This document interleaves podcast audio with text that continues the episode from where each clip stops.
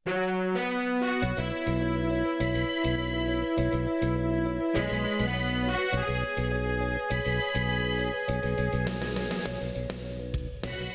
is Radio Free Asia. The following program is in Burmese.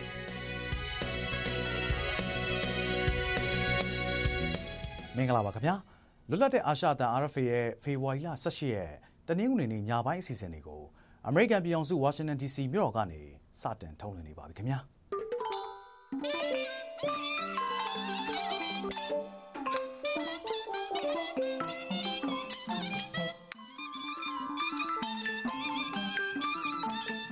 ကျွန်တော်ကရဲစီသူကပါဒီကနေ့ညပိုင်းအစီအစဉ်မှာမန်စီမြို့နယ်စီခန်းကြီးရွာကိုစစ်ကောင်စီတပ်ကလေကြောင်းကနေဘုံကျဲတိုက်ခိုက်ခဲ့တာကြောင့်အရက်သား9ဦးသေဆုံးပြီး9ဦးဒဏ်ရာရတဲ့အကြောင်းအပါအဝင်တခြားစိတ်ဝင်စားကြသတင်းဆောင်မားတွေကိုထုတ်လွှင့်ပေးမှာပါ အခုအရင်ဆုံးတော့သတင်းတွေကိုတင်ပြပါမယ်ခင်ဗျာ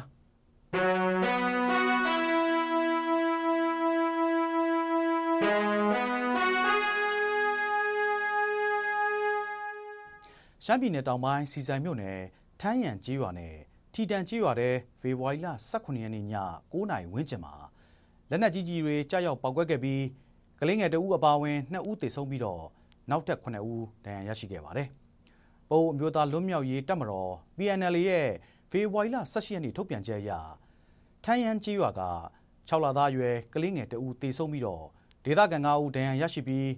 ထီတန်ရွာကအမျိုးသားတဦးသေဆုံးပြီးဒေသခံ2ဦးဒဏ်ရာရရှိခဲ့တယ်လို့ဖော်ပြထားပါတယ်။စီဆိုင်မြို့နယ်ဘန်းရင်မြို့ကစစ်ကောင်စီခြေမြန်တရင်ခမာယာ425နဲ့426တို့ကလက်နက်ကြီးနဲ့အချက်40ကျော်ပစ်ခတ်ခဲ့တယ်လို့ PNL ရဲ့ထုတ်ပြန်ချက်မှာ ဖော်ပြထားပါတယ်ခင်ဗျာ။ AR တိုင်းဒေသရဲ့မြို့နယ်ကျိတ်တော်ရွာကကိုနိုင်မျိုးရွှေကို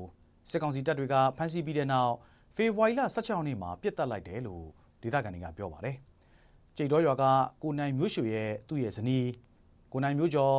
ဒေသရဲ့မြို့ပေါ်ကကိုဝေရန်နဲ့သူ့မိခင်ဖြစ်သူတို့အပါအဝင်နောက်ထပ်ဒေသခံတအူးစုစုပေါင်း6ဦးကိုဖေဖော်ဝါရီလ4ရက်နဲ့5ရက်နေ့တွေမှာစစ်ကောင်စီတပ်ကဖမ်းဆီးခဲ့တာပါ။ သူတို့စီက RPG အပါအဝင်လက်နက်နဲ့ drone တွေတွေ့ရဆိုပြီးစစ်ကောင်စီတပ်ကဖမ်းဆီးခဲ့တာလို့ဒေသခံတွေကပြောပါတယ်။အဲဒီနောက်ဖမ်းဆီးခံရသူ6ဦးတက်ကကိုနိုင်မျိုးရွှေကိုကြိတ်တော်ရွာမှာဖွက်ထားတဲ့လက်နက်တွေကိုဖေဖော်ဝါရီလ16ရက်နေ့မနက်6နာရီဝန်းကျင်ကလိုက်ပြခိုင်းချိန်မှာလက်နက်တွေမတွေ့တာကြောင့်စစ်ကောင်စီတပ်ကတနက်နဲ့ပစ်တက်ခဲ့တာလို့ဒေသခံတဦးကပြောပါတယ်ခင်ဗျာ။စကိုင်းတိုင်းမုံရွာမြို့နယ်ညောင်မင်ရွာမှကြေးရွာတဲ့ကိုဖေဖော်ဝါရီလ18ရက်နေ့နေ့လယ်ပိုင်းမှာ လက်နက်ကြီးကြီး9လုံးကြားရောက်ပောက်ကွဲခဲ့ပြီးအရက်သား9ဦးဒဏ်ရာရရှိခဲ့တယ်လို့ဒေသခံတွေကပြောပါတယ်။ဒေသခံအမျိုးသား3ဦးနဲ့အမျိုးသမီး2ဦးဒဏ်ရာရရှိခဲ့တာပါ။အမျိုးသား2ဦးကဒဏ်ရာပြင်းထန်ပြီးကြံတဲ့4ဦးကတော့စိုးရင်စရာမရှိဘူးလို့ဒေသခံ2ဦးကပြောပါတယ်။ဒီလက်နက်ကြီးကြီးတွေကိုမုံရွာမြို့အရှိချမ်းစစ်ကောင်စီရဲ့ကြောက်စစ်ပုံအမြောက်တပ်ကပစ်ခတ်ခဲ့တာလို့ဒေသခံတွေကပြောပါတယ်။ဖေဖော်ဝါရီလ18ရက်နေ့မနက်ပိုင်းမှာစစ်ကောင်စီတပ်သား40ဝန်းကျင်က ညောင်မင်ရွာမှကြေးရွာနဲ့အနီးကထနောင်းဝင်းရွာကိုဝင်ရောက်စီးနင်းတာကြောင့်အဲ့ဒီရွာနှစ်ရွာလုံးကအရက်သားတွေထွက်ပြေးတိမ်းရှောင်နေရတယ်လို့ဒေသခံတွေကပြောပါတယ်။ဖေဖော်ဝါရီလ12ရက်နေ့ကလည်းမုံရွာမြို့နယ်ထနောင်းတော်တောင်ရွာမှာလက်နက်ကြီးကြီးကြားရောက်ပောက်ကွဲခဲ့တာကြောင့်ဒေသခံ၄ဦးသေဆုံးပြီးတော့9ဦးဒဏ်ရာရရှိခဲ့ပါတယ်ခင်ဗျာ။စကိုင်းတိုင်းဘူးတလင်မြို့နယ်မြို့ပေါ်ရွာနဲ့ဇီးတော်ရွာကိုဖေဖော်ဝါရီလ17ရက်နေ့မနက်ပိုင်းမှာ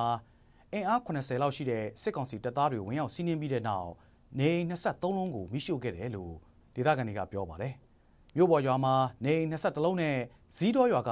နေအိမ်နှလုံးမိလောင်ပျက်စီးခဲ့တာပါ။မနက်10:00နာရီဝန်းကျင်မှာစစ်ကောင်စီတပ်သားတွေရွာထဲကနေပြန်ထွက်သွားတယ်လို့ဒေသခံတို့ကပြောပါတယ်။ဒေသခံတွေကတော့စစ်ကြောင်းပြန်ထွက်သွားပြီးတဲ့နောက်ရွာထဲကိုပြန်ဝင်ခဲ့တယ်လို့သူကပြောပါတယ်။မြို့ပေါ်ရွာနဲ့ဇီးတော်ရွာကိုစစ်ကောင်စီတပ်သားတွေဝင်ရောက်ချိန်မှာ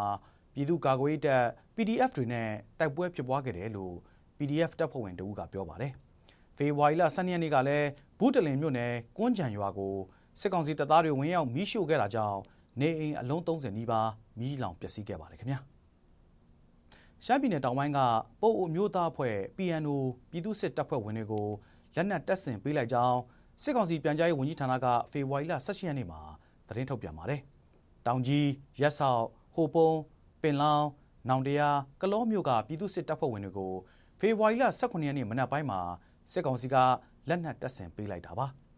ဒီအခမ်းအနားကိုအရှေ့ပိုင်းတိုင်းစစ်ဌာနချုပ်မှာပြုလုပ်ခဲ့ပြီးဒူတိုင်းမှုဗိုလ်မှူးချုပ်ဝင်းစော်မိုးကိုတိုင်လက်နက်ပေးရခဲ့ပါတယ်။ရှမ်းပြည်နယ်တောင်ပိုင်းဟိုပုံနဲ့စီဆိုင်မြို့နယ်တွေမှာစစ်ကောင်စီတပ်နဲ့ပအိုးအမျိုးသားလွတ်မြောက်ရေးတပ်မတော် PNL တို့တိုက်ပွဲတွေဖြစ်ပွားနေပြီး PNO ကစစ်ကောင်စီဘက်ကဝင်ရောက်တိုက်ခိုက်နေပါတယ်။ ပြည်သူစစ်တွေကိုစစ်ကောင်စီကအခုလိုလက်နက်တပ်ဆင်ပေးလိုက်တာကြောင့်တိုက်ပွဲတွေပိုပြင်းထန်လာနိုင်တယ်လို့ PNL တပ်ဖွဲ့ဝင်တဦးကပြောပါတယ်ခင်ဗျာ။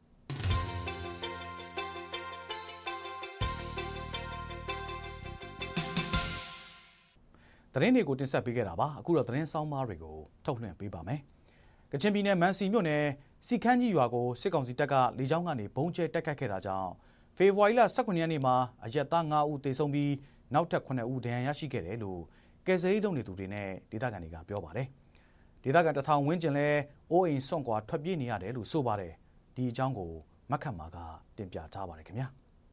ကချင်ပြည်နယ်မန်စီမြို့နယ်စီခန်းကြီးရွာကိုဖေဖော်ဝါရီလ18ရက်နေ့မှာစစ်ကောင်စီတပ်ကလေရင်နဲ့ဘုံကျဲတိုက်ခိုက်ခဲ့တာကြောင့်အရက်သား9ဦးသေဆုံးပြီးနောက်ထပ်9ဦးဒဏ်ရာရရှိခဲ့တယ်လို့ကယ်ဆယ်ရေးလုပ်နေသူတွေကပြောပါတယ်။ စီခန်းရွာအနီးကစစ်ကောင်စီပြူဟာကုန်းတပ်စခန်းကိုကချင်လူမျိုးရေးတပ်မတော် KIA ရခိုင်တပ်တော် AA နဲ့ပူးပေါင်းအဖွဲ့ကဖေဖော်ဝါရီလ16ရက်နေ့ကစလို့ထိုးစစ်ဆင်တိုက်ခိုက်နေတာပါ။ဒါကြောင့်စစ်ကောင်စီတပ်ကတိုက်ပွဲဖြစ်ပွားတဲ့နေရာတဝိုက်ကိုလေကြောင်းတိုက်ခိုက်မှုလုပ်ခဲ့တာလို့ဒေသခံတွေကပြောပါတယ်။ဖေဖော်ဝါရီလ18ရက်တရက်ထဲမှာပဲလေကြောင်းကနေအကြိမ်20နီးပါးတိုက်ခိုက်ခဲ့တယ်လို့ဆိုပါတယ်။ တေဆုံးထိခိုက်သူတွေနဲ့အရက်သားတွေကိုဘေးလွတ်ရာကို ပြောင်းရွှေ့ပေးနေတယ်လို့ကယ်ဆယ်ရေးလုပ်နေသူတူကပြောပါတယ်။ငါးဦးကတော့အချမ်းပြင်းတော့ကျွန်တော်တို့သိထားရတယ်။အဲ့မှာကျွန်တော်တို့အလောင်းတွေလည်းတောက်လို့မရဘူးပေါ့နော်အဲကောက်လို့မရတဲ့ခါကျတော့အဲ့ဘက်ကကြီးခဲ့တဲ့ရွာသားတွေပြောပြချက်အရပေါ့ပုံချင်းထဲမှာတည်ထားတာတွေ၃လောင်းရှိတယ်တော့အပြင်မှာတည်ထားတာဆွဲလို့မရဘူးပေါ့နော်အဲ့နဲ့သူတို့ကိုလို့ယုံပြီးမှသူပြီးခဲ့တာပေါ့အဲဒါရရတဲ့ဟာတော့ကျွန်တော်တို့ဆေးရုံပို့လိုက်ပြီအဲလက်ရှိကျွန်တော်တို့ပို့လိုက်တာ9ဦးဗျဒါရရတာ ကျွန်တော်တို့ခုလက်ရှိ ကယ်ဆယ်ပေးနေတဲ့ လူကတော့400 500ဝန်းကျင်လောက်တော့ ရှိသွားကြ။တော့ဆောက် ကျွန်တော်တို့ခုကယ်နေတာပေါ့နော်။တေဆုံးထိခိုက်သူတွေရဲ့ အသေးစိတ်အချက်လက်တွေကိုတော့ မသိရသေးဘူးလို့ သူကပြောပါတယ်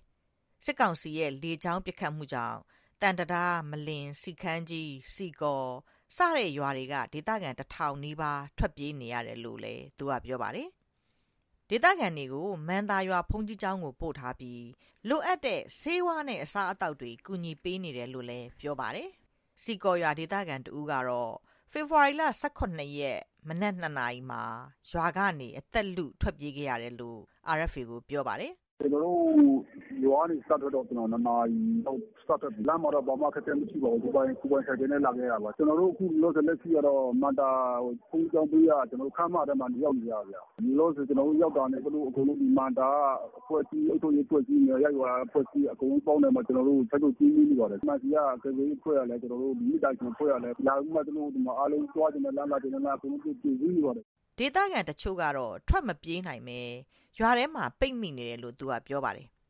ကချင်လွတ်မြောက်ရေးတပ်မတော် KIA ရဲ့သတင်းနဲ့ပြန်ကြားရေးတာဝန်ခံဗိုလ်မှူးကြီးနော်ဘူကတော့စစ်ကောင်စီရဲ့လေကြောင်းကထိုးစစ်တွေကြောင့်ပြည်သူတွေအနေနဲ့လုံခြုံတဲ့နေရာမှာအကာအကွယ်ယူပြီးတော့နေထိုင်ဖို့လိုတယ်လို့ပြောပါတယ်။စီခမ်းတယ်မှာတော့တိုက်ပွဲတော့ရှိပါတယ်။နောက်အဲစစ်ကောင်စီဘက်ကလည်းလေကြောင်းနဲ့မင်းကတနေကုန်လို့ပြောရမှာပေါ့လေကြောင်းနဲ့အပစ်ကူတာရှိပါတယ်။ အခုလည်းပဲဆက်ပြီးမှတိုက်ပွဲတော့ဆက်ဖြစ်နေတဲ့နေသားဖြစ်ပါတယ်ဘယ်မှာအာသူတို့ကထုံးစံဖြစ်နေပါတယ်သူကမင်းပြနဲ့အထူးစစ်စင်မှာတော့အဓိကသူတို့မလုဆောင်ပေးနေကိုကလေကြောင်းနဲ့လက်နဲ့ကြီးနဲ့တိုက်ခိုက်ဘူပဲသူတို့အဓိကလုဆောင်တယ်ဖြစ်ပါတယ်ဒါကြောင့်ကျွန်တော်ပြည်သူလူထုတွေလည်းတတ်နိုင်ဆုံးတော့ကိုယ့်ရဲ့ဒီလုံပုံနေနေရာတဲ့ပါတော့ဆောင်ရပါဗျစီခန်းကြီးရွာအနီးကစစ်ကောင်စီတပ်စခန်းဟာ မန်စီမြို့နယ်နဲ့မိုင်30အကွာမှာရှိပြီးမြောက်ပိုင်းတိုင်းစစ်ဌာနချုပ်လက်အောက်ခံခြေလျင်တက်ရင်ခလာရ121ခလာရ206ခလာရ123နဲ့ခလာရ15တို့ပူးပေါင်းအထိုင်ချထားတာပါဒီနေရာမှာ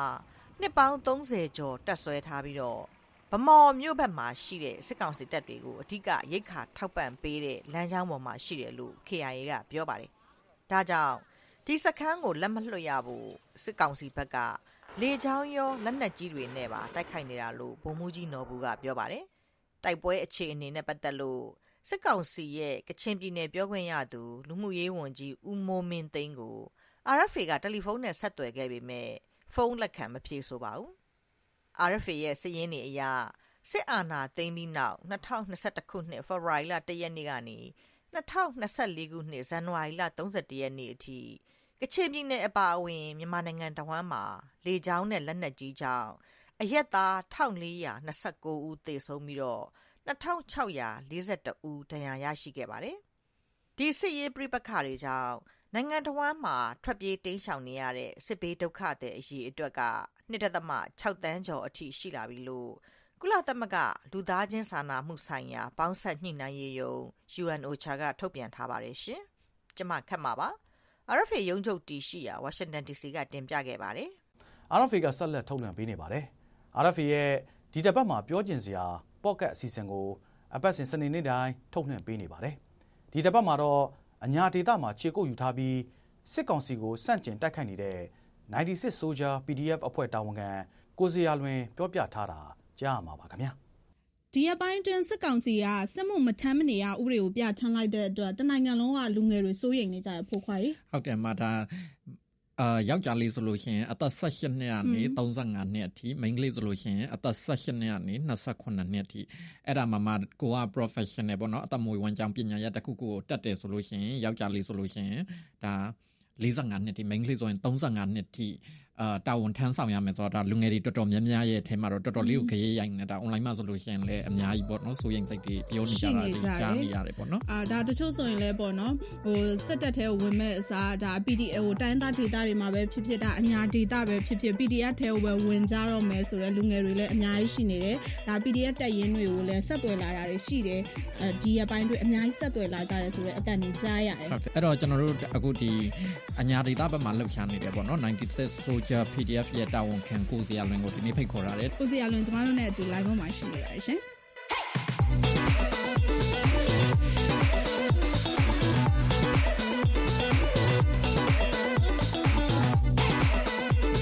ကိုစီယာလွင်မင်္ဂလာပါရှင်ဟုတ်ကဲ့မင်္ဂလာပါခင်ဗျဟုတ်ကဲ့ အခုအာနာသိမ့်ပြီးရပေါ့နော်ကိုစီရလွန်ဆိုရင်ဒါလက်နက်ကင်လန်းစင်ကိုလိုက်ခဲ့တယ်အခုဆိုရင်လည်းဒီအညာဒေတာကိုရောက်နေရပေါ့နော်ဒီ96 Soldier PDF အဖွဲ့မှာတာဝန်ထမ်းဆောင်နေရဒီအဖွဲ့မှာပေါ့နော်ဟိုဘာတွေအခုလက်ရှိလုပ်နေလဲတရက်တရက်ပေါ့နော်ဒီတက်ထဲမှာဘလို့ဖြတ်တန်းနေလဲအရင်ဆုံးမတို့သိကြပါတယ်ကျွန်တော်တာဝန်ခံအနေနဲ့ကျွန်တော်တာဝန်ယူဆောင်ရတယ်ပေါ့နော်ပေါင်းစပ်ညီနိုင်ရေးကိစ္စတွေအဲဒီအညာထဲမှာပေါ့နော်အဖွဲ့ချင်းချင်းကျွန်တော်ပေါင်းစပ်ညီနိုင်ရေးကိစ္စတွေနိုင်ငံရေးရာကိစ္စတွေအဲကျွန်တော် ဟိုဝေရှာရတဲ့ကိစ္စတွေနောက်ပြီးလက်နက်ခဲပြီးတော့ကျွန်တော်တို့ရှောက်ပေးရတဲ့ကိစ္စတွေဟိုပြီးတော့မဟာမိတ်ကိစ္စတွေပေါ့နော်ကျွန်တော်တို့အဲအဓိကကျွန်တော်တာဝန်ယူဆောင်ရပါတယ်နော်ဇေယလွင်ဘလို့ဘလို့လောက်ပြီးတော့ဒီနိုင်ငံရေးထဲကိုပေါ့နော်ဝင်ဖို့ဒီငငယ်ရွယ်နဲ့နိုင်ငံရေးထဲကိုဝင်ဖို့အတွက်ရွေးချယ်ဖြစ်ခဲ့တာလေ2009ခုနှစ်မှာအာရွှေဝါအောင်ဒေါ်လာရေး Saffron Revolution ဖြစ်တာဖြစ်တော့အဲ့ဒီ Saffron ကကျွန်တော်တို့မျက်စိအရှိမကျွန်တော်တို့ဟို 1990ပတ်ဝန်းကျင်မှာမွေးတဲ့လူငယ်တွေအတွက်တော့ဒါပထမဦးဆုံးသောအဲမျက်မြင်ကိုယ်တွေ့ရတဲ့ဘယ်လိုလဲလူလှုပ်ရှားမှုတစ်ခုပေါ့နော်အဲ့ဒီလူလှုပ်ရှားမှုဟာဒီနိုင်ငံရေးထဲမှာဒီလိုပါဝင်ဆောင်ရတာဖို့တော့ကျွန်တော်တို့လှုံ့ဆော်ပေးတဲ့လှုပ်ရှားမှုဖြစ်တယ်ပေါ့နော်အဲ2015မှာကျွန်တော်တို့မြို့သားပညာရေးဥပဒေနဲ့ပတ်သက်ပြီးကျွန်တော်တို့တပိတ်တွေမှောက်ကြရဲနိုင်ငံလုံးဆိုင်ရာပေါ့နော်ကျွန်တော်တို့ဘာကစားတက္ကသိုလ်ကျွန်တော်တို့ပေါင်းကြပြီးတော့လုပ်ကိုင်ဆောင်ရကြတယ်ပြီးတော့ဟိုအချင်းထောင်တွေလည်းကျွန်တော်တို့ရောက်ကြတယ်ဟုတ်ကဲ့ ထောင်ဘယ်နှကြိမ်လောက်ကြာဘူးလဲအဲ့တော့ကိုစိတ်မပါဘဲနဲ့ကြာတာတော့နှစ်ခါကိုစိတ်လိုလဲရနဲ့ကိုစိတ်လိုလဲရဆိုတာဒီလိုပါဟာတစ်ခါပေါ့နော်တရားရုံးကကျွန်တော်တန်ငွေဆောင်ခိုင်းတာပေါ့နော်ကျွန်တော်အဲအဲ့အဲ့အဲ့ဒီတန်ငွေဆောင်ခိုင်းတာကိုကျွန်တော်တန်ငွေမဆောင်မဲနဲ့အဲထောင်ထဲမှာအဲ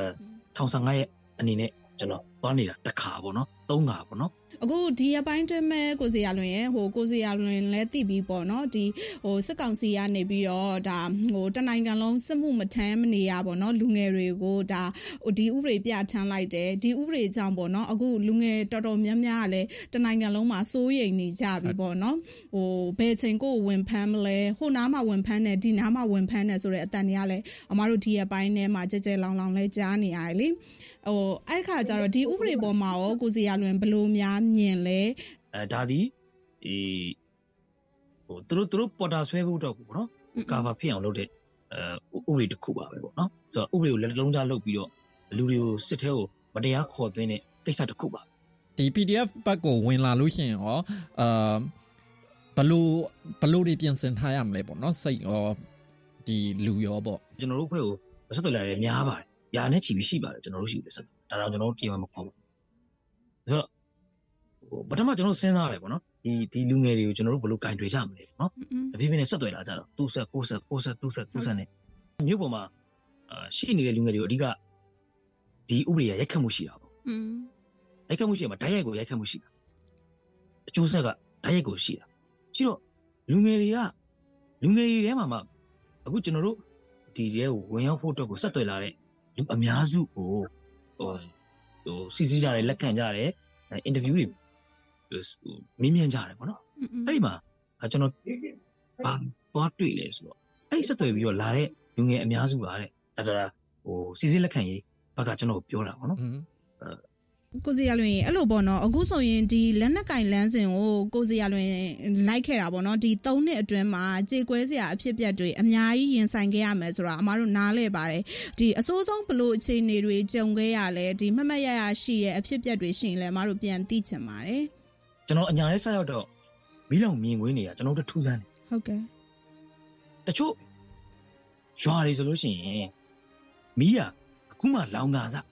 ဥကားစ อืมမီးရှို့ပြီးစစ်ကြောင်းကထွက်သွားတာပါဗျာ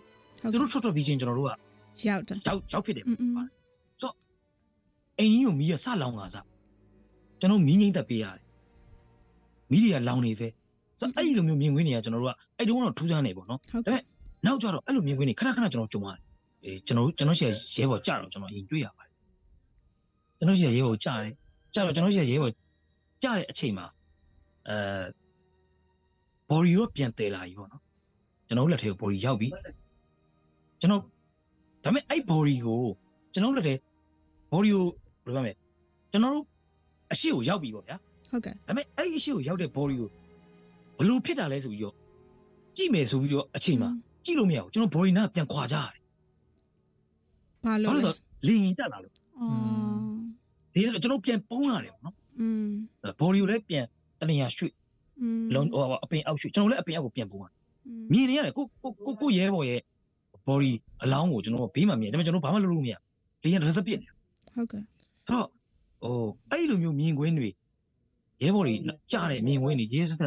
တက်ခံရတဲ့ဟာတွေအများကြီးကျွန်တော်တို့ကအဲ့မှာတွေ့နေရတယ်ဗျဟုတ်ကဲ့အဲ့ကြမနေ့တော့ကအညရေးနေထူဒီမှာလာတာပေါ့နော်တတရက်တရက်အစိုးဆုံးအခြေအနေတွေနဲ့ပဲ မြင်နေရကြုံနေရတဲ့ခါကျတော့အခါကျတော့စိတ်ပိုင်းဆိုင်ရာအရာကြတော့ဟိုဘယ်လိုခံစားချက်တွေရှိလဲဟိုစိတ်မှာရောစိတ်ထန်ရာတွေဘာတွေရောဘယ်လိုများရှိလဲညတွေဘာတွေအိတ်တဲ့အချိန်ပဲဖြစ်ဖြစ်ပေါ့နော်ကိုကဒီအဖြစ်ပြက်ဆိုးတွေကိုရောအိတ်ချိန်တွေမှာရောပြန်ပြီးတော့ဒါအိမ်မက်မက်တာတို့ဒီလိုဟိုစိတ်မကြည်မလင်ဖြစ်တာနောက်ရက်ဒီမှာအဲ့လိုအခြေအနေတွေရောကြုံရလားလက်တလောရှိနေတဲ့ပြဿနာတွေပေါ်မှာပဲကျွန်တော်တို့က focus ထားရတယ်နော်ဟုတ်ဟဲ့ကဲ့လားဥပမာဗျာဟိုဖြစ်ရတဲ့ဘယ်လောက်ပဲကြုံနေကြုံနေ ခုနလိုမျိုးအိမ်မက်တွေထက်မှတ်ထမ်းတဲ့အခြေအနေလည်းမရှိ ဟုတ်ကဲ့ ဘူးဘာဖြစ်လို့လဲဆိုတော့ဥပမာပစ္စည်းတစ်ခုမှာထားတယ်ပေါ့နော် ဟုတ်ကဲ့ လက်ရခဲမိလက်ရခဲမိကြောက်အဲ့ဒီတစ်ခုကိုကျွန်တော်ကငွေချေဖို့ကျွန်တော်ကောင်းနေတယ် อืมသဘောပေါက်တယ် အဲပြီးရင်အဲ့ပစ္စည်းကြောင်းတယ်ဘောင်းလေးပြန်ထည့်ရတယ် อืม ဒါဒါဒါဟိုဝယ်ယူတည်ယူပဲနော်ဟိုရှာရှာဖွေရေးပါပြီးတိုက်ပွဲရှိတယ်တိုက်ပွဲရှိတယ်ဆိုလို့ရှိရင်လည်းတိုက်ပွဲတော့ကိုရဲဘော်တွေ ပြင်စင်တာပြီးတိုက်ပွဲရဲဘော်တွေထွက်နေတယ်ဆိုလို့ရှိရင်လည်းသူတို့တိုက်ပွဲအဆင်ပြေပြည်နိုင်ရဲ့လားပေါ့နော်ထိခိုက်ကြနိုင်ရှိနိုင်မလားဒါအဲ့အတွေးနဲ့နေပဲရှေ့ဆက်နေရတော့ခုနပြောတဲ့တခြားဘာဟာဘယ်လိုပြောမလဲအဲတခြားတော်လိုင်းရဲ့ဖြစ်ဖြစ်မြင်ကွင်းတွေဒီပေါ်မှာတို့ကြလောကြလောဆယ်မခံစားနေနိုင်တာပေါ့နော်ဘယ်လိုကမှခံစားနိုင်နိုင်ဟုတ်ကဲ့အဲ့ခံစားမနေနိုင်အဲ့ဒီရဲ့နောက်ဆက်တွဲစိတ်ဒဏ်ရာနဲ့ခုနပြောတဲ့ဟိုမတိစိတ်ရဲ့မတိစိတ်မှာဖြစ်တဲ့ trauma ပဲပြောကြပါအဲ့ဒါတွေကတော့ကျွန်တော်လောလောဆယ်တော့မသိနိုင်သေးဘူး ဟုတ်တယ်အဲဒါပေမဲ့ရုပ်တရက်တချို့တနေရာနေဟုတ်ကာကနာကားကောက်တွန်းမိလိုက်အဲ့ဒီအတန်ကျွန်တော်လက်နဲ့ကြီးကြတဲ့အတန်လားပေါ့နော်ဟုတ်တယ်ဟုတ်တယ်စိုးရိမ်တာရှိတယ်မတိစိတ်မှာတော့ရှိမယ်တိလားအဲ့လိုမျိုးလို့ရှိကောင်းရှိနေတာပေါ့ဒါဥပမာပြောပြတာဆီယလွန်တို့အခုရောက်နေတဲ့ဒီအညာဒေတာဆိုရင်ရောအညာဒေတာဆိုတာအသိတယ်မလားအရင်ကဆိုလို့ရှိရင်ဒါထမ်းပင်ထမ်းတော်တွေနဲ့အရင်ကတတရရအခုတော့ပြပုံဖြစ်နေပြီဆိုတော့အနေထားဆိုတော့လေဒီအညာသူအညာသားတွေရဲ့စိတ်တော့ရောဆီယလွန်ဘယ်လိုပြောချင်လဲ နည်းနည်းလောက်ပုံဖော်ပြပါလားအော်ငကူရှိရင်းစေရတော့အရန်ကြောက်တက်တယ်ပေါ့နော်ကြောက်တက်ပါတယ်ဆိုတော့လူတွေကပဲစစ်အာဏာရှင်ကိုဒီသုံးနှစ်လုံးလုံးပုံစံမျိုးနဲ့တော်လှန်ခဲ့ကြတာဟုတ်ကဲ့ဖိနှိပ်ခံရတာဟုတ်တော်လှန်ခြင်းမှတပါတခြားမရှိတော့အဲ့တော့ကြောက်လုံးလို့တော်လှန်ရတာလို့ကျွန်တော်တို့မြင်တယ်ဟုတ်ကဲ့အဲ့တော့ဟုတ်ကဲ့ရှင် အမြင့်ဆုံးကြောက်စိတ်ကိုရောက်သွားတယ်အဲ့ဒီအမြင့်ဆုံးကြောက်စိတ်တက်ကိုထက်ကျော်သွားတဲ့အခြေအနေရောက်တဲ့အခါမှာအဲ့ဒီကြောက်စိတ်ဟာမရှိရသေးတယ်သွားတယ်မရှိတော့ဒီနေ့တော်လန်ရေးရပါတော့ဘယ်အခြေအနေထိရောက်နေပြီလို့ကိုစရာလွင်မြင်လဲရှင်ဆိုအညာဒေတာထဲမှာတော့အာလွယ်ပြောမယ်ဟိုပြီးခဲ့တဲ့ရက်ပိုင်းရပါတော့ဟိုသတင်းတွေမှာတွေ့ကြလိမ့်မယ် calling mute ပြန်ပါသွားပြီဆိုတဲ့သတင်းတဝက်ပါသွားပြီဆိုတဲ့သတင်း အဲငါးပုံသုံးပုံပါသွားပြီဆိုတဲ့သတင်းပေါ့နော်อืมအဲ့လိုတွေကြားရတယ်ပေါ့နော်ဆိုတော့တိုင်းသားဒေတာတွေမှာတော့အဲ ERO တွေကသူတို့ဒေတာလွတ်မြောက်ရေးအတွက်ကိုဟိုတုံးကြိုင်ဆောင်ရနိုင်ကြတယ်ပေါ့နော်တစုံလုံးကြည့်မယ်ဆိုရင်တော့ကျွန်တော်တို့ကအာပန်းနိုင်ရောက်ဖို့တော့ကျွန်တော်မိုင်းတဝက်ကျော်သွားပြီ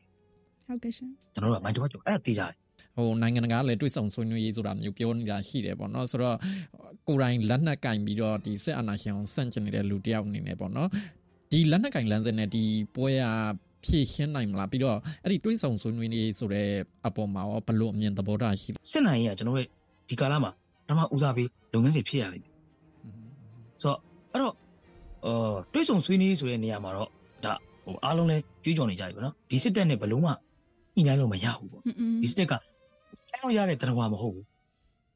အဲ့တော့ညီနိုင်လို့မရတဲ့တရားကိုလက်နဲ့နဲ့ပဲကျွန်တော်တို့အဲတော်လန်တိုက်ခတ်ရမယ်နော်ဆိုတော့ဒါကအရင်တည်းကဟိုရှုပ်အင်အားစုတွေကြွေးကြော်နေတဲ့ဟိုကြွေးကြော်မှုပါဒါပေမဲ့ဒီကနေ့အချိန်မှာတော့အဲ့ဒီကြွေးကြော်မှုကပို့ပြီးတော့လက်တွေ့ကျလာတယ်ပို့ပြီးတော့စစ်တပ်ကိုကျွန်တော်တို့ကဒလဆက်ဖိအားပေးနိုင်တယ်စစ်တပ်ကဒီလက်နက်ကင်တိုက်ပွဲတွေကြောင့်ပို့ပြီးတော့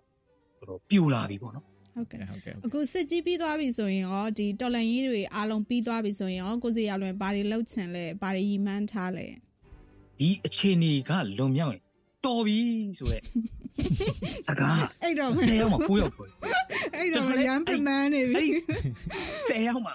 9ယောက်ပြောတဲ့ထဲမှာကျွန်တော်လည်းပါတယ်ဟုတ်ကျွန်တော်လည်းပါဆိုတော့ဒီထဲမှာကျွန်တော်တို့ဟိုရုံးကန်ရတာဗျာသလားဟုတ်ဟိုစိတ်ပိုင်းဆိုင်ရာရုံးကန်ရတာအဲ ရုပ်ပိုင်းဆိုင်ရာကခုနငွေချေးလက်နက်อืมအဲအဲ့အဲ့ဒီဟာတွေအတွက်တိုက်ပွဲတွေအတွက်အဲ့ဒါတွေရုံးကန်ရတာအာအယမ်းများတယ်ပြီးတော့နော်စိတ်ညှဉ်းညူဖို့ကောင်းတယ်ပေါ့နော်ဟုတ်ကဲ့ရှင်အဲ့တော့အဲဒါပြီးရင်ဟိုဒါပြီးရင်ဆိုတဲ့နေရာမှာလဲဗျာအဲ့ဒါပြီးရင်ဆိုတဲ့စကားတော့လွယ်တာပေါ့ဗျာလားဒါပေမဲ့ကျွန်တော်ထင်တယ်ဒါပြီးရင်ဆိုတဲ့ဟာဒီကျွန်တော်တို့ကဟိုကျိုးတစ်ချောင်းကကြီးနဲ့ကတိဖြတ်လိုက်သူဗျက်ကနေဆိုနှစ်ဖက်ကြီးပြက်ပြီးအဲ့လိုပြက်ပြက်စား ပြီးသွားမှာမဟုတ်မဟုတ်ဘူးလေကျွန်တော်ဒီထင်မလဲမသိသေးဘူး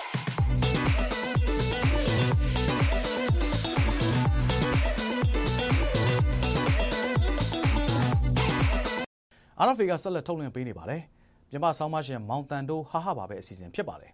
ဒီတစ်ပတ်မှာတော့ရှုံးမဲ့ဘက်ကစစ်တဲဝင်ဆိုတဲ့ခေါင်းစဉ်နဲ့တင်ဆက်ထားတာကြည့်ရှုနားဆင်ပါခင်ဗျာ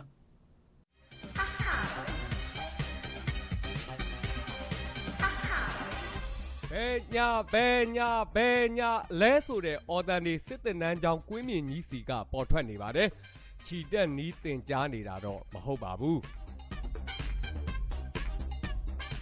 ပြည်သူ့စစ်မှုထမ်းဥပဒေအတည်ပြုလိုက်ပြီးနောက်ပိုင်းမှာတွေ့ရလူဆွဲခေါ်ကြားဆိုတဲ့ညွှန်ကြားချက်နဲ့အညီ စစ်တင်နန်းကျောင်းတွေမှာစစ်တီစစ်သမီးတွေနဲ့အတူပြန်ပြီးတော့စီကားနေပါပြီတမ်ဘရောအင်အားရှိမှတိုင်းပြည်အင်အားရှိမယ်ဆိုတဲ့အတိုင်းလက်နက်နိုင်ငံတော်ကြီးကိုအတင်းဖမ်းခေါ်လာတဲ့သူတွေနဲ့တီဆောက်နေတာပါအဲ့ဒီစစ်တပ်နန်းမှာစစ်ကောင်စီရဲ့စစ်သားတို့တက်အပ်တဲ့နီးပညာတွေကိုသင်ကြားပေးသွားမှာပါဇာတာချင်းအခြေခံစစ်ပညာအနေနဲ့ဝါခုံနီးတို့နှီးဖြာနီးတွေကိုစတင်သင်ကြားပေးမှာဖြစ်ပြီးအဲဒီကမှတဆင့်ချင်းကြားရက်နီးကိုသင်ကြားပေးမှာဖြစ်ပါတယ်ကိုချင်းကြားကိုရက်လုတ်ပြီးတဲ့အခါမှာတော့ ဘဲညာဘဲညာဘဲညာလဲဆိုပြီးတော့ချင်းကြားလွယ်နီးတွေကိုစီရေးပြကွင်းမှာသင်ကြားပေးနေတာပါဘဲဆိုရင်ဘဲဘက်မှာချင်းကြားကိုလွယ်ရမှာဖြစ်ပြီးတော့ညာဆိုရင်ညာဘက်မှာချင်းကြားကိုလွယ်ရမှာပါအလဲဆိုရင်တော့ချင်းကြားကိုပလိုင်းလိုနှစ်ဖူးမှာလွယ်ရမှာဖြစ်ပါတယ်အဲ့ဒီနောက်မှာတော့လူမျိုးဘာသာမရွေးပဋ္ဌာန်းယူနည်းတွေကိုတင်ကြားရမှာဖြစ်ပြီးတော့ရေရယာနဲ့ဒုတ်ပြီးဓာပြီးအဆောင်တွေကိုလည်းဘေးရင်ဆရာတွေကရှင်းပြတင်ကြားပေးမှာဖြစ်ပါတယ် ဘေးရင်ဆရာတွေတင်ကြားအပြီးမှာတော့သက်ဆိုင်ရာနေနံနေအလိုက်အဆောင်လက်ဖွဲ့တွေကိုရောင်းချပေးမယ်အစီအစဉ်ရှိပါတယ်အဲ့ဒီနောက်မှာတော့အဆောင်အပြည့်စုံနဲ့ချင်းကြားလွဲပြီးတော့မိုင်းကွင်းဖြက်ပြေးနည်းကိုတင်ကြားပေးသွားမှာပါ သင်္นานနားရက်တွေနားချိန်တွေမှာတော့ပြင်ပကျူရှင်သင်္นานအနေနဲ့အရာရှိအိမ်တွေမှာထမိန်ဖွနီးအဝိလျှော်နီးနဲ့အနှိပ်ပညာကိုပါသင်ကြားပေးသွားမှာဖြစ်ပါတယ်။အဝိလျှော်နီးပညာနဲ့အနှိပ်ပညာကိုထူးချွန်တဲ့သင်္นานသားတွေကိုအထူးစီစဉ်တရက်အနေနဲ့ အထက်ကိုဖားနီးအောက်ကိုဖိနီးအပြင်အချင်းချင်းလက်ညှိုးထိုးနီးအပြစ်ပုံချနီးခြေထိုးနီးတွေပါသင်ကြားပေးသွားမှာပါဆရာဝန်တွေအင်ဂျင်နီယာတွေအသိပညာရှင်အတတ်ပညာရှင်တွေကိုတော့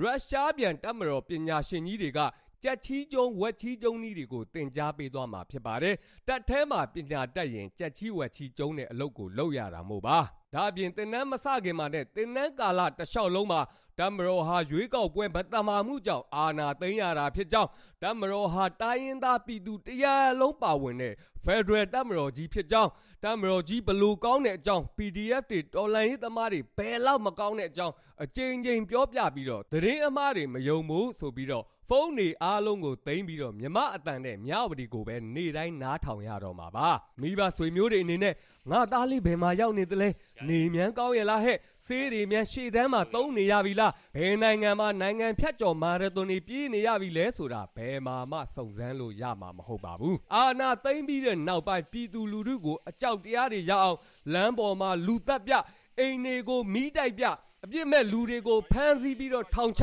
ကြောက်လာပြီဆိုရင်တော့ ငွေဆက်ကူတွေကိုရိုက်ထုတ်ပြီးတော့ပြည်သူပိုင်ဆိုင်မှုတွေကလုံးပပအောင်လုပ်ခဲ့တာပါနောက်ဆက်တွဲအနေနဲ့အလုတ်ကိုင်မရှိကုံစင်းနှုံးတွေတက်ဒုက္ခပင်လဲဝင်းနေတဲ့ပြည်သူစီကအခွန်ငွေဆိုပြီးတော့ထပ်ပြီးတော့နှိုက်ပါတော့တယ်ဂိတ်ကျေးတွေဟိုကျေးတွေဒီကျေးတွေမျိုးစုံပေးနေရတဲ့ပြည်သူစီက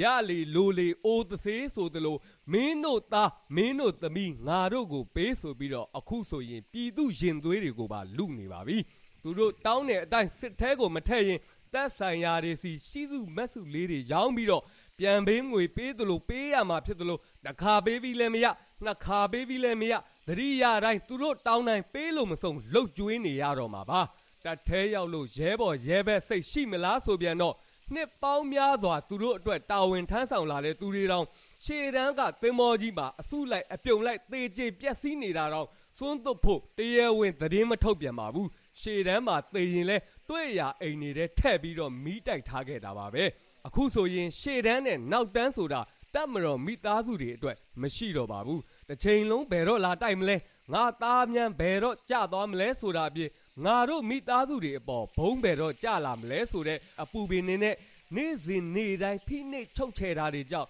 မျက်ရည်နဲ့မျက်ခွက်ဖြစ်နေရတာပါ စစ်သားမိန်းမတွေလည်းလက်နက်ကင်ပြီးတော့တပ်မတော်ကြီးကိုကာကွယ်ရမယ်ဆိုပြန်တော့လဲတက်ချုပ်ကြီးမိန်းမမပါပါဘူးအခုစစ်မှုထမ်းရမယ်ဆိုပြန်တော့လဲတက်ချုပ်ကြီးသားနဲ့သမီးပါမှာမဟုတ်ပါဘူးစစ်ရှုံးကန်နီးလို့ရန်သူတွေဝိုင်းခံနေရတဲ့အချိန်မှာတော့သင်းမောကြီးနဲ့အစောဆုံးကယ်ထုတ်တာကတက်ရင်ကမိသားစုတွေကလေးတွေမဟုတ်ပါဘူးကားတွေပါသူတို့တွေရဲ့ကားအကောင်စားကြီးတွေကိုသူတို့ကိုလှုပ်ကြွေးပြုတ်နေတဲ့တက်မိသားစုအသက်ထက်ပိုပြီးတော့တန်ဖိုးထားတာပါ အဲ့ဒီလိုစိတ်သက်ရေးရပြက်နေတဲ့တက်မှာတက်အင်အားဘလောက်ဖြစ်ဖြစ်လက်နက်အင်အားဘလောက်ကောင်းကောင်းမဟုတ်ရင်မခံကျင်တဲ့စိတ်အမှန်တရားကိုမျက်နှိုးတဲ့စိတ်လွတ်လပ်ခြင်းတဲ့စိတ်တွေနဲ့အာနာရှင်အမြင့်ပြတ်ရမယ်ဆိုတဲ့ခံယူချက်တွေနဲ့တိုက်နေတဲ့တော်လန်ရေးတပ်ဖွဲ့တွေကိုဘလို့မှမနိုင်နိုင်တော့ပါဘူးကိုသားကိုသမီးဘယ်ပြောက်လို့ဘယ်ရောက်သွားမှန်းမသိအောင်တစ်ချိန်လုံးစိတ်ပူနေရတဲ့အပြင်ကိုရွာကိုမီးရှို့ကိုအမေကိုပြန်တတ်တဲ့သားတွေသမီးတွေမဖြစ်စေချင်ရင် ကိုသားကိုသမီးတွေကိုရှုံးမဲ့ဖက်က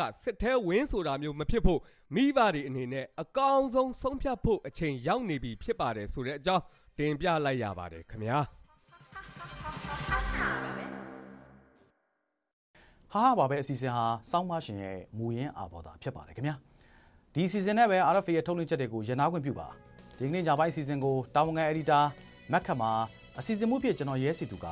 ထုတ်လွှင့်ရေးမှု ကိုကျော်စင်တန်းတို့နဲ့အတူ RFA အဖွဲ့သူအဖွဲ့သားတွေပူးပေါင်းတင်ဆက်ခဲ့တာဖြစ်ပါတယ် RFA ကိုကြည့်ရှုနားဆင်တဲ့အတွက်အထူးကျေးဇူးတင်ပါတယ်မြန်မာပြည်သူပြည်သားအပေါင်းကျမ်းမာချမ်းသာကြပါစေခင်ဗျာ You have been listening to Radio Free Asia.